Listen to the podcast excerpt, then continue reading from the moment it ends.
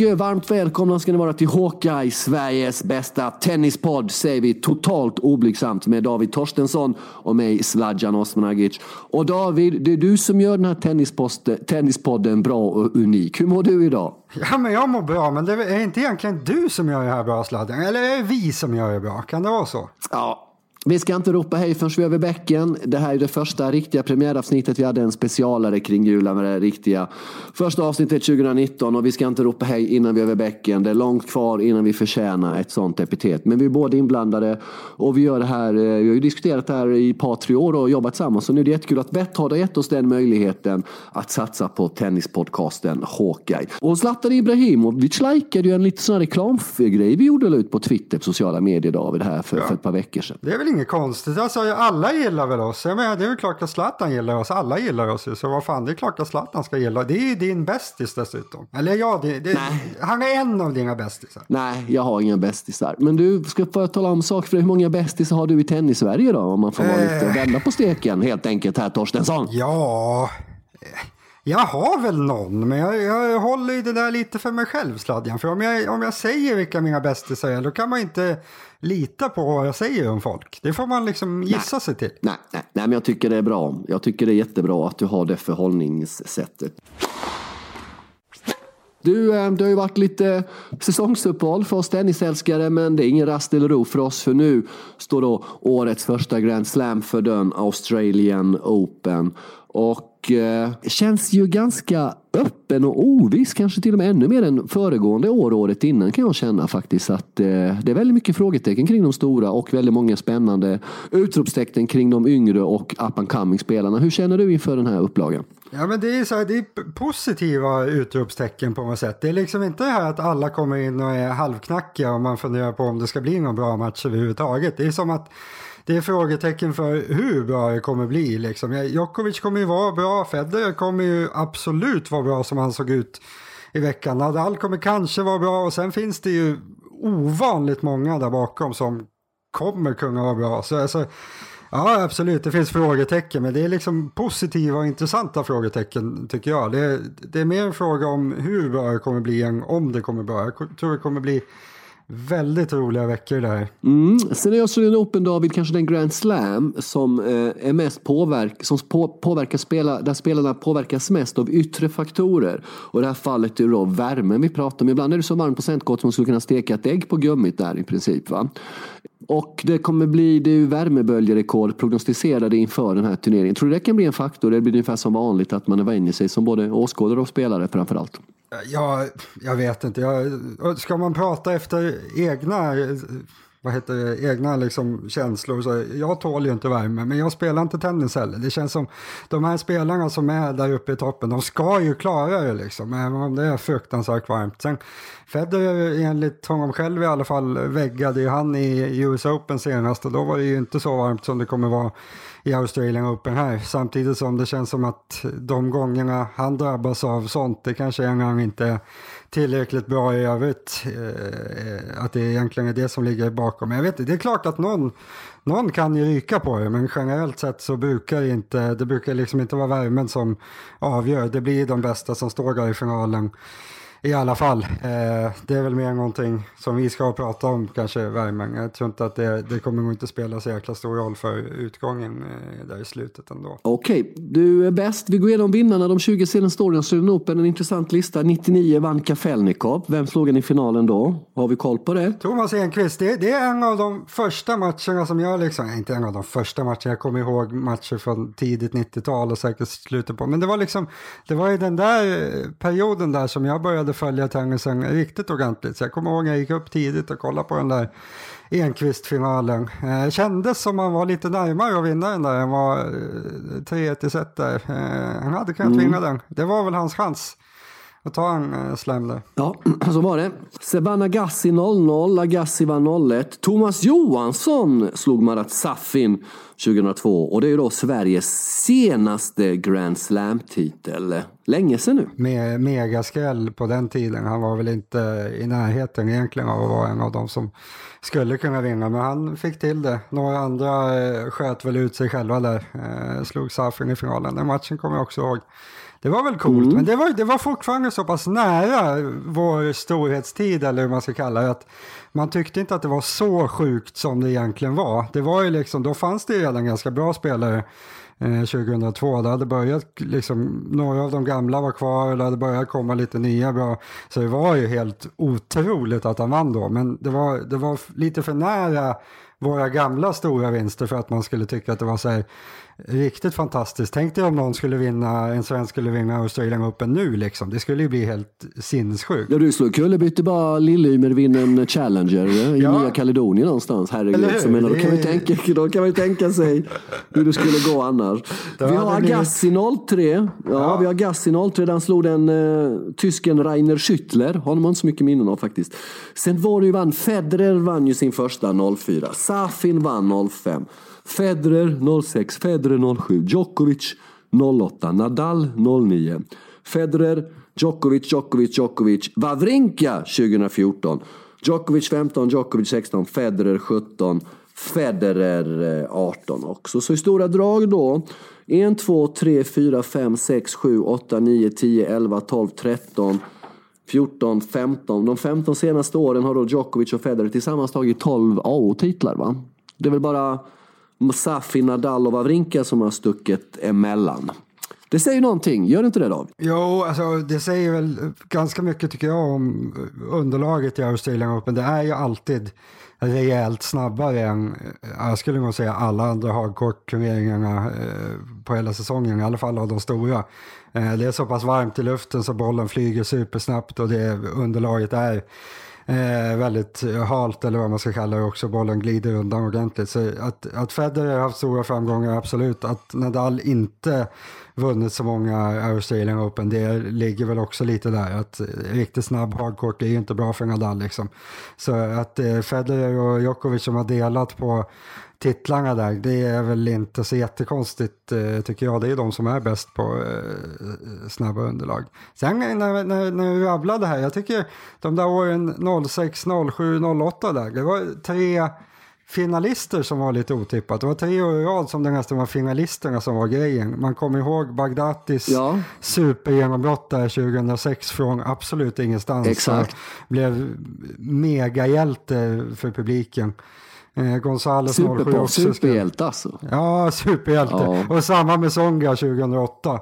Det var ju precis samma som ja. Bagdatis där. Att kommer någon från ingenstans och är lite coolare än alla andra och folk bara börjar älska honom. Men de vann inte, men det var, det var, det var kul otippade finalister där några år. Sen har det väl varit bara de stora egentligen. Eh, men mm. det, är så det är i Grand Slams, det är de stora som vinner liksom. Det är, det spelar ingen roll vilken turnering man tar riktigt. Du, eh, nej, det som var min starkaste är faktiskt Bagdatis 06. Så oerhört populär han var. Dels då bland kanske de australiensare med grekiska rötter, men bland australiensarna överhuvudtaget. Det var ju nästan eh, popstjärnehysteri, eh, mm. vad man kunde känna från tv. Du, eh, vi ska glida in lite grann på statusen på de tre stora inför turneringen alldeles, alldeles strax. Men Något som har börjat störa mig lite grann är det här att man hela tiden fortsätter i England och i resten av världen har, vi fortsatt, har man slutat referera till the big four, det vill säga Nadal, Djokovic, Federer och Murray eftersom man kanske förstår att om du tar de här tre som har vunnit över tvåsiffrigt antal Grand Slam-titlar kontra Murray så är inte Murray riktigt i närheten. Ibland så får jag känslan att det är jobbigt för Murray att benämnas med i, i Big Four. Så jag tycker det ska finnas i Big 3 eller Big Five där vi då räknar med Wawrinka då i den Big Five.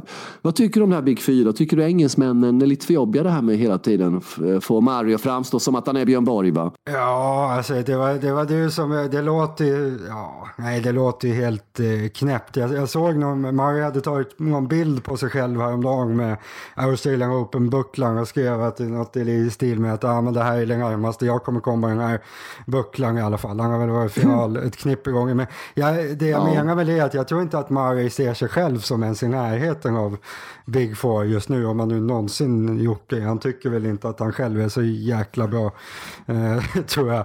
Men det är klart att det inte finns några Big Four nu. Det, det är liksom, man får välja själv om man tycker att Federer fortfarande är med.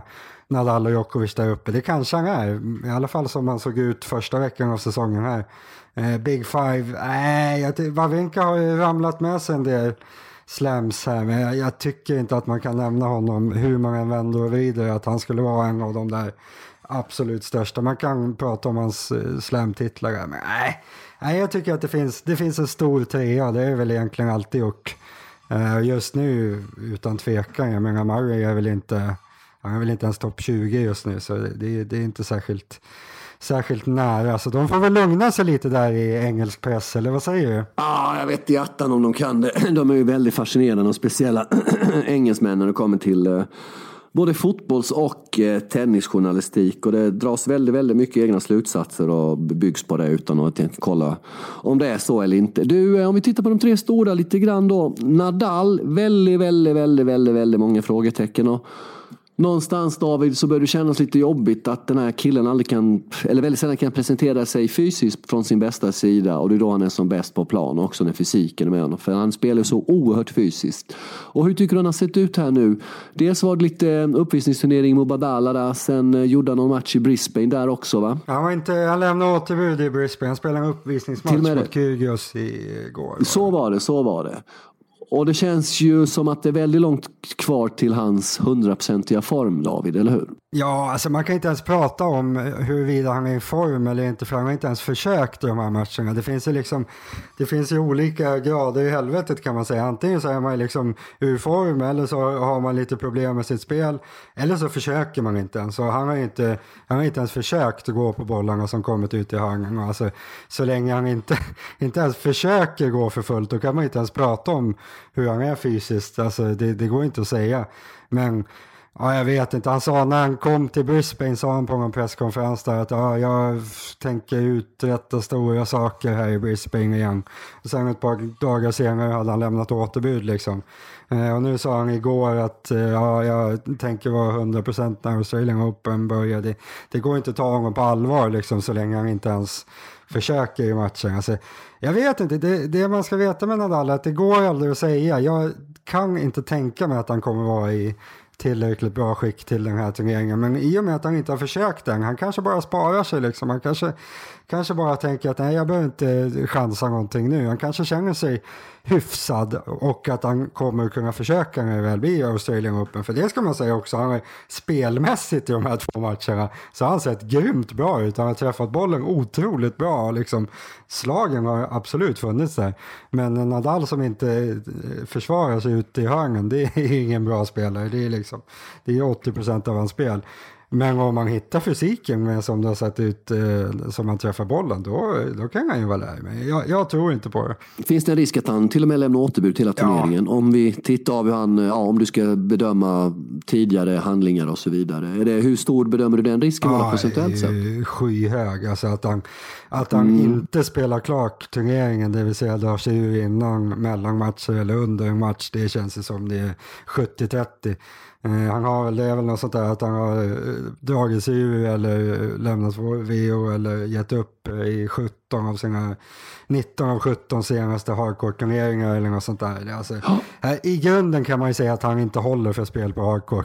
Sen går det tillräckligt bra någon gång och han lyckas pricka fysiken totalt, och då kan det säkert gå vägen någon mer gång. Men i grund och botten så funkar väl inte riktigt hardcore för hans eh, knän längre, skulle jag tro. Vi kan också säga detta att det här spelas ju in då onsdag inför Australian Open och lottningen är väl natten till fredag. Och om, vi vill, om man vill läsa vad du tycker och känner om lottningen, om Nadal ens är med i den, det kan vi göra då på bloggen Vamos Rafa, så vi hänvisar till den. Eh, Wawrinka, eller förlåt, Federer, de är från samma land förvisso, men eh, Federer eh, såg intressant ut i Hopman Cup, den här lite bortglömda turneringen som får mindre och mindre plats. Eh, lite tråkigt tycker jag. Eh, han ser ganska han ser intressant ut Federer tycker jag. Hur känner du på, för, på för här nu? Man ska väl börja med, det var sista upplagan av Hopman Cup. Det kommer komma en ny grej här i början på nästa säsong. Ja. VM i tennis. ATP det kan vi väl raska av i något annat avsnitt. Men jag, jag har skrivit ja. om det på bloggen där. Det, det, kommer bli, jag tror det kommer bli jättebra. Eh, den kommer ersätta okay. Hopman Cup och lite annat. Eh, men Federer mm. spelar ju jättebra i den där turneringen. Det var ju, det var ju superbra. Sen finns det alltid frågetecken för Federer. Han är ju väldigt bra när han kan spela avslappnat och Hopman Cup det är liksom inte bara riktigt, det är inga rankingpoäng. Och Eh, ingenting som Federer kommer liksom vara stolt över när han lägger av att han har vunnit Topman Cup hundra gånger. Det, det där skiter jag alla i. Eh, så det är klart det är lättare för honom att spela bra i en sån där turnering än när han eh, spänner sig i Australian Open sen. Men det såg väldigt bra ut spelmässigt. Jag tyckte han rörde sig jättebra och eh, träffade bollen väldigt bra också. Han, han känns i överraskande bra skick. Jag trodde inte han skulle se så bra ut faktiskt. Men är det inte lite problemet för Roger nu när han kommit upp de här åren, äh, åren att det är kontinuiteten i prestationen, att liksom ha kontinuitet i de här max topprestationerna som man ändå måste ha för att gå hela vägen om Nadal och Djokovic är pigga och krya och, och spelar som de ska. Är det där det ligger lite problem för honom idag? Eller ja, som jag tycker man kunde se två senaste åren. Ja, lite grann så. Samtidigt så det, det är som att han det handlar väldigt mycket om vad han tror själv tror jag också. Att om man, om man går in i en turnering och känner att nej fan jag är inte riktigt tillräckligt bra och Djokovic känns oslagbar. Då blir han ganska liten och då torskar han mot någon, någon lite sämre på vägen. Nästan som att han inte vill gå långt och möta Djokovic eller Nadal i slutet på turneringen. Men så har det funnits... Är det så illa? Du, ja, du, du sticker ut alltså, en sån snackar, Vi snackar undermedvetet här. Att det liksom känns ja, lite jobbigt. Det Aha. vet man ju själv okay. om man har idrottat liksom. Jag brukar säga jag spelar bara Så det jämför dig själv med Federer som liksom. idrottare? Ja, men alltså för mig var det i alla fall så när, på den tiden jag spelade pingis på relativt hög nivå. Då var det liksom turneringar mm. som jag kände att jag, det här kommer jag förmodligen, eller det här ska jag vinna. Då vann jag oftast, för då, då kände ja. jag hela vägen liksom att jag, jag kommer klara det här. Sen de turneringarna där jag kanske var näst bäst eller tredje bäst och det fanns någon som jag förmodligen inte kommer slå. Då kunde jag lätt floppa och åka ut i andra, tredje, fjärde omgången för jag kände att jag kommer lik förbannat inte vinna till slut. Det är någonting, är man liksom nu var inte det här lite riktigt samma nivå som, som Federer och Australian Open, men känner man, är man bland de bästa och känner att nej, jag kommer inte vinna till slut, då tror jag att för Federer som inte är den mentalt starkaste spelaren så är det, det är de gångerna det kommer en torsk som mot Millman i US Open av att han vet mm. att nej, nu är Djokovic så där äckligt bra och jag vill inte förlora mot honom och därför så viker jag ner mig lite lättare i åttondelen mot Millman liksom. Mm. Den här gången tror jag att Federer känner sig väldigt bra och han har sett att Djokovic kan förlora. Så den här gången finns väl egentligen alla möjligheter för att han ska eh, i alla fall kunna ge ett otroligt bra försök. Och Australian Open, det är ju hans kanske bästa. Wimbledon har han vunnit flera gånger, men Australian Open, det passar honom hur bra som helst. Så. Nej, jag tror Federer kan bli mm. farlig. Han, han är väl andrahandsfavorit, eller ganska klar andrahandsfavorit som det ser ut just nu. Om Roger går hela vägen till final och spelar sju matcher, hur många av dessa sju matcher kommer arrangören lägga honom på kvällspassen när det inte är soligt och lika varmt? Fem, sex Alla, eller sju gissar ja, Alla, ja, ja, Det har ju varit ganska mycket diskussion om det då i och med att eh, Lever Cup som Roger har dragit igång då initiativet är delvis sponsrat av australiensiska tennisförbundet och att detta skulle gynna honom när man lägger spelprogrammet. Å andra sidan är ju världens mest populära tennisspelare genom tiden och den kanske just nu mest populära idrotten i hela världen överhuvudtaget. Så det är ju inte så konstigt utifrån det perspektivet. Eh, men Roger ser spännande ut. Djokovic både ser spännande ut och verkar lite mer bräcklig mentalt, var skör. Jag tänker på hur han förlorade mot Kachanov i Paris. Jag tänker på semifinalen mot Roger i Paris också där det egentligen var Eh, Nova kanske vann den långa matchen till slut för att han hade lite starkare skalle än vad, än vad Roger hade. Eh, för han var inte så jättebra i den matchen. Och sen då har vi finalen mot Zverev i, i, i, i, i ATP-slutspelet ATP i, i London. Och så har vi då Doha här då, där han tappade set mot både Fuscovic första set, han tappade första set mot Basilashvili och sen torskade han mot Bautista Gutt, lång match bortåt två och en halv timme. Eh, så fort Djokovic kom tillbaka nu då och vann Wimbledon Australian Open så är det som att folk tar för givet att han ska vinna varenda turnering han går in i. Men så enkelt är det ju inte idag. Hur många gånger måste vi ta om det här? Det är inte så jäkla enkelt. De är inga maskiner de här killarna, de är ju människor. Och hur känner du inför Djokovic status inför turneringen? Nej, men det, jag, jag, tycker att jag fick till det ganska bra när jag skrev om det där efter att han hade förlorat i Doha där. Att man, man kan ju säga hur mycket positivt som helst om allt som Djokovic gör på banan. Liksom. Han är så fruktansvärt bra på tennis. Men det finns en sak som alltid är lite emot honom och det är att han är ganska lätt att spela bra emot. Att han, han, han bjuder upp till bra spel. Liksom. Det, det är inte som Federer som, som kan göra att motståndaren ser ut som en eh, odugling eller Nadal samma sak där. Att Djokovic bygger liksom upp till bra spel. Och det är liksom, det är ingen jätteslump att tre spelare i rad gör kanske sitt livsmatch mot honom i en sån där turnering. Eller ja, det är en slump. Det är osannolikt att eh, alla Fucsovic, Basilashvili och Bautista ska göra. Ja, jag tror inte jag har sett någon av dem spela bättre än vad de gjorde mot Djokovic i den turneringen. Men att mm. spelare kan spela jättebra mot honom, det är absolut inte ovanligt. Sen är, tycker jag att det är lite skillnad i eh, Grand Slams över fem set. För det är sällan att någon driver det i land på det sättet Bautista gjorde i Doha, att man slår honom till slut. Att Djokovic kan absolut vara hotad och torska ett set eller till och med två set i Grand Slam-turneringar om spelare spelar så här. Men det är en otroligt lång väg att ta tre set mot honom. Så jag tror inte att Djokovic kommer åka på just det där. Om Djokovic ska förlora i Australian Open, då tror jag att det måste ske mot någon av de absolut bästa som också har en superbra eh, dag. Jag, jag, om man är Djokovic-fan, som jag du har väl en liten dragning av det. Eh, så tror jag inte man ska oroa sig för eh, att det ska komma en Bautista-torsk liksom. Men att han kan förlora, Nej. absolut. Så, så overkligt överlägsen är han absolut inte. Om du skulle bedöma det procentuellt sett då favorit till eh, sluttiteln Australien i herrkategorin då Federer, Nadal, Djokovic. Hur ser den, din procentfördelning ut där David? Ja, det är väl, oddsen ljuger inte. Djokovic eh, har väl 40 chans, 40-45, jag vet inte vad han står i exakt just nu. Men jag har mm. inte 50 chans, men lite under. Eh, Federer vinner väl, vad blir det, 15-20 procent. Eh, Nadal en på tio kanske. Eh, sen, är, sen har resten lite procent också. Eh, det kan ju, eh, lottningen kommer ju betyda en del. Eh, var eh, Federer hamnar till exempel och sådär. Det är lite skillnad att få Nadal i semi.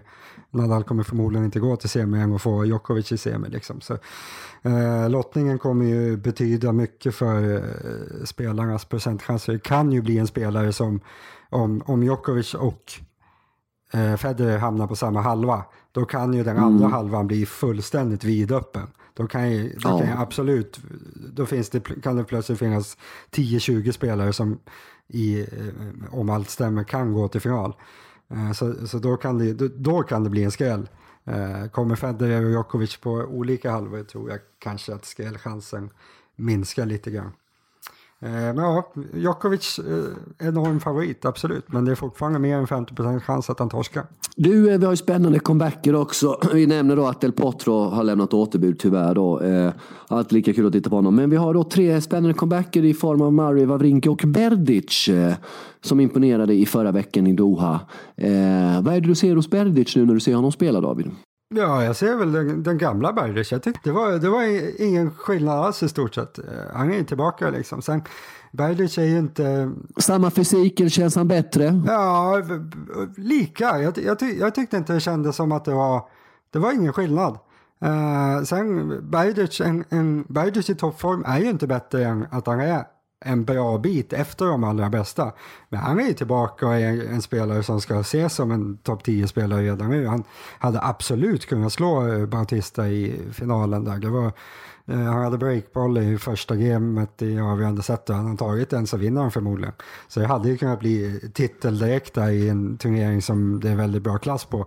Eh, kan säkert bli lite bättre nu med matchträning också. Så Berdych tillbaka direkt efter att ha varit borta, eh, inte hela men väldigt stora delar av 2018. Så det var lite otippat. Jag trodde inte att han skulle ha eh, komma tillbaka med den här nivån. Så Berdych tillbaka och mm, osidad i Australian Open. Han är inte så mm. mysig att få i första omgångarna? eller? Nej, det kan vi väl kalla den absoluta mardrömslottningen. Tänk dig Djokovic, Berdic, Federer, Berdic i första rundan. Inte så himla kul. Murray med fem finalförluster i Australian Open. En personlig favorit, särskilt förr i tiden när han hela tiden var arg på sig själv. Eh, den tiden saknar man lite grann. How, the, how can you be so fucking stupid Andy? What the fuck is wrong with you Andy? Eh, känner igen mig mycket själv i det där. How the fuck did you think? Men eh, vad känner ni för hans chanser? Väldigt, väldigt svårbedömt. Alltså exceptionellt svårbedömt. Lite comebackförsök försvinner. Nej, jag tycker inte alltså det. Ja, just nu är det väl inte svårbedömt Sladjan Alltså han har ingen chans. Det är, det är bara så det är. Han, han kommer behöva tid på ett helt annat sätt. Men låt mig uttrycka mig så här. Vad vi vill se med Andy först och främst är att han funkar hundraprocentigt med fysiken och kan börja jobba sig tillbaka och komma upp på en hög nivå. Det är väl kanske mer där man känner att man lägger ribban vad det gäller Murray eh, inför mm. de närmsta månaderna kan jag tycka. Wawrinka då som ändå har vunnit den här turneringen, eh, som har slagen eh, när de sitter. De är inte helt dåliga. Vad kan han hitta på tror du? Ja, han vann ju ett par man slog Kachango var väl i Doha där. Mm. Mm. Bra, bra resultat, men jag tycker inte att det såg så jättebra ut spelmässigt faktiskt. Jag är väldigt tveksam. Jag tycker inte att Wawrinka har sett bra ut på länge. Han spelade ju inte särskilt mycket förra säsongen och när han väl spelade var han inte bra. Uh, nu, han, han är okej, okay, men han har ju några gånger som han med de måtten han vann kommit från ingenstans och blixtrat till i Grand Slam-turneringarna. Men då har han ändå varit bra innan och mm. efter. Alltså han har gått från att vara en spelare som är topp 10 och stabil där till att blixtra till och bli bäst i en Grand Slam-turnering. Nu ska han gå från att vara en spelare som kanske inte ens är topp 20 till att blixtra till och vinna en Grand Slam. Den vägen är väldigt mycket längre. Så jag, jag kan inte, jag, han är helt inaktuell för mig på att gå hela vägen och vinna. Sen kan han säkert slå ut någon som är ganska bra och han kan säkert slå en topp 10-spelare men jag ser inte honom som minsta hot om titeln och inte som något särskilt stort hot mot de bästa heller egentligen. Nej, men han kommer sannolikt leverera en eller två väldigt underhållande matcher för han brukar ha en väldigt härlig förmåga att vara involverad i underhållande och dramatiska matcher Wawrinka när det kommer till eh, de stora turneringarna. Då har jag följande fråga. Av följande fem spelare, vem är du mest nyfiken på? Kevin Anderson, Zverev, Tsitsipas, Nishikori eller Diminau, den unga australiensaren, snabbe. Eh, det är fem intressanta spelare tycker jag. Vad ger du dem för möjligheter och vad hoppas du se av dem under den här turneringen? Ja, jag vill ju, jag vill ju vara mest nyfiken på Deminar, men jag tror han är lite, lite för obra än så länge. Han har, han har inte mm. riktigt slagen ännu för att kunna blixtra till och vara uppe och hota de bästa. Det kommer. Det, kommer komma väldigt snart. Han kommer bli extremt bra. Men han, han får vi nog föra bort från. Han kommer säkert göra någon sån här hjältematch framför hemmapubliken. Men eh, det kommer liksom inte bli någon kvart eller semi. Det tror jag inte. Tsitsipas tror jag inte heller. Jag tror Tsitsipas kommer få det väldigt svårt i början på säsongen här. Jag tror inte att han riktigt är så bra som folk tror. Eh, Nishikori som vanligt ungefär. Han, han kan vara där och lura lite i vassen om eh, någon bra halkar bort. Men det är väl typ, det är en kvartsfinalspelare liksom. Sverige har väl sett eh, sådär ut i sin, jag såg honom i Hoppman Cup en del och nu lämnar han väl återbud till en gång match här med någon sträckning. Mm. Så jag vet, det, det känns väl som att han är tillbaka på det där eh, ruta ett igen. Han, så fort det blir Grand Slam är han eh, ofarlig. Liksom, han, blev, han blev ju alltså slaktad av Federer i Hopman Cup. Så jag vet inte riktigt hur mm. han ska lyckas eh, slå tillräckligt många. Det är väl Kevin Anderson då. Jag tror att folk måste börja ta Kevin Anderson på extremt stort allvar. Han, det är som mm. att han blir lite bättre hela tiden. Han har ju visat i flera Grand Slam. Det är som att hur många gånger ska han gå till final för att folk ska förstå att han är en spelare som går till final i Grand Slam-turneringar. Han, han, gör ju liksom flera gånger. Och gör man det flera gånger i kombination med att han, han gör ju superresultat hela tiden i andra turneringar också. Eh, han kan vinna. Han kan absolut vinna. Det skulle nästan vara väldigt, väldigt intressant om han gjorde det faktiskt. Vi har fått lite frågor också. Vi finns ju på sociala medier och sånt där. David, har du lust att dra hur man kan hitta oss, var man kan följa oss och så vidare och så vidare? Ja, jag får dra den. Ni ska veta det. Sladjan mm. kan knappt öppna en dator. Det är ett mirakel att vi klarar av att spela in det här för han är så oteknisk. Men ni, ni, ja. ni, ska, ni ska följa Hawkeye understreck podcast heter vi på Twitter och Instagram.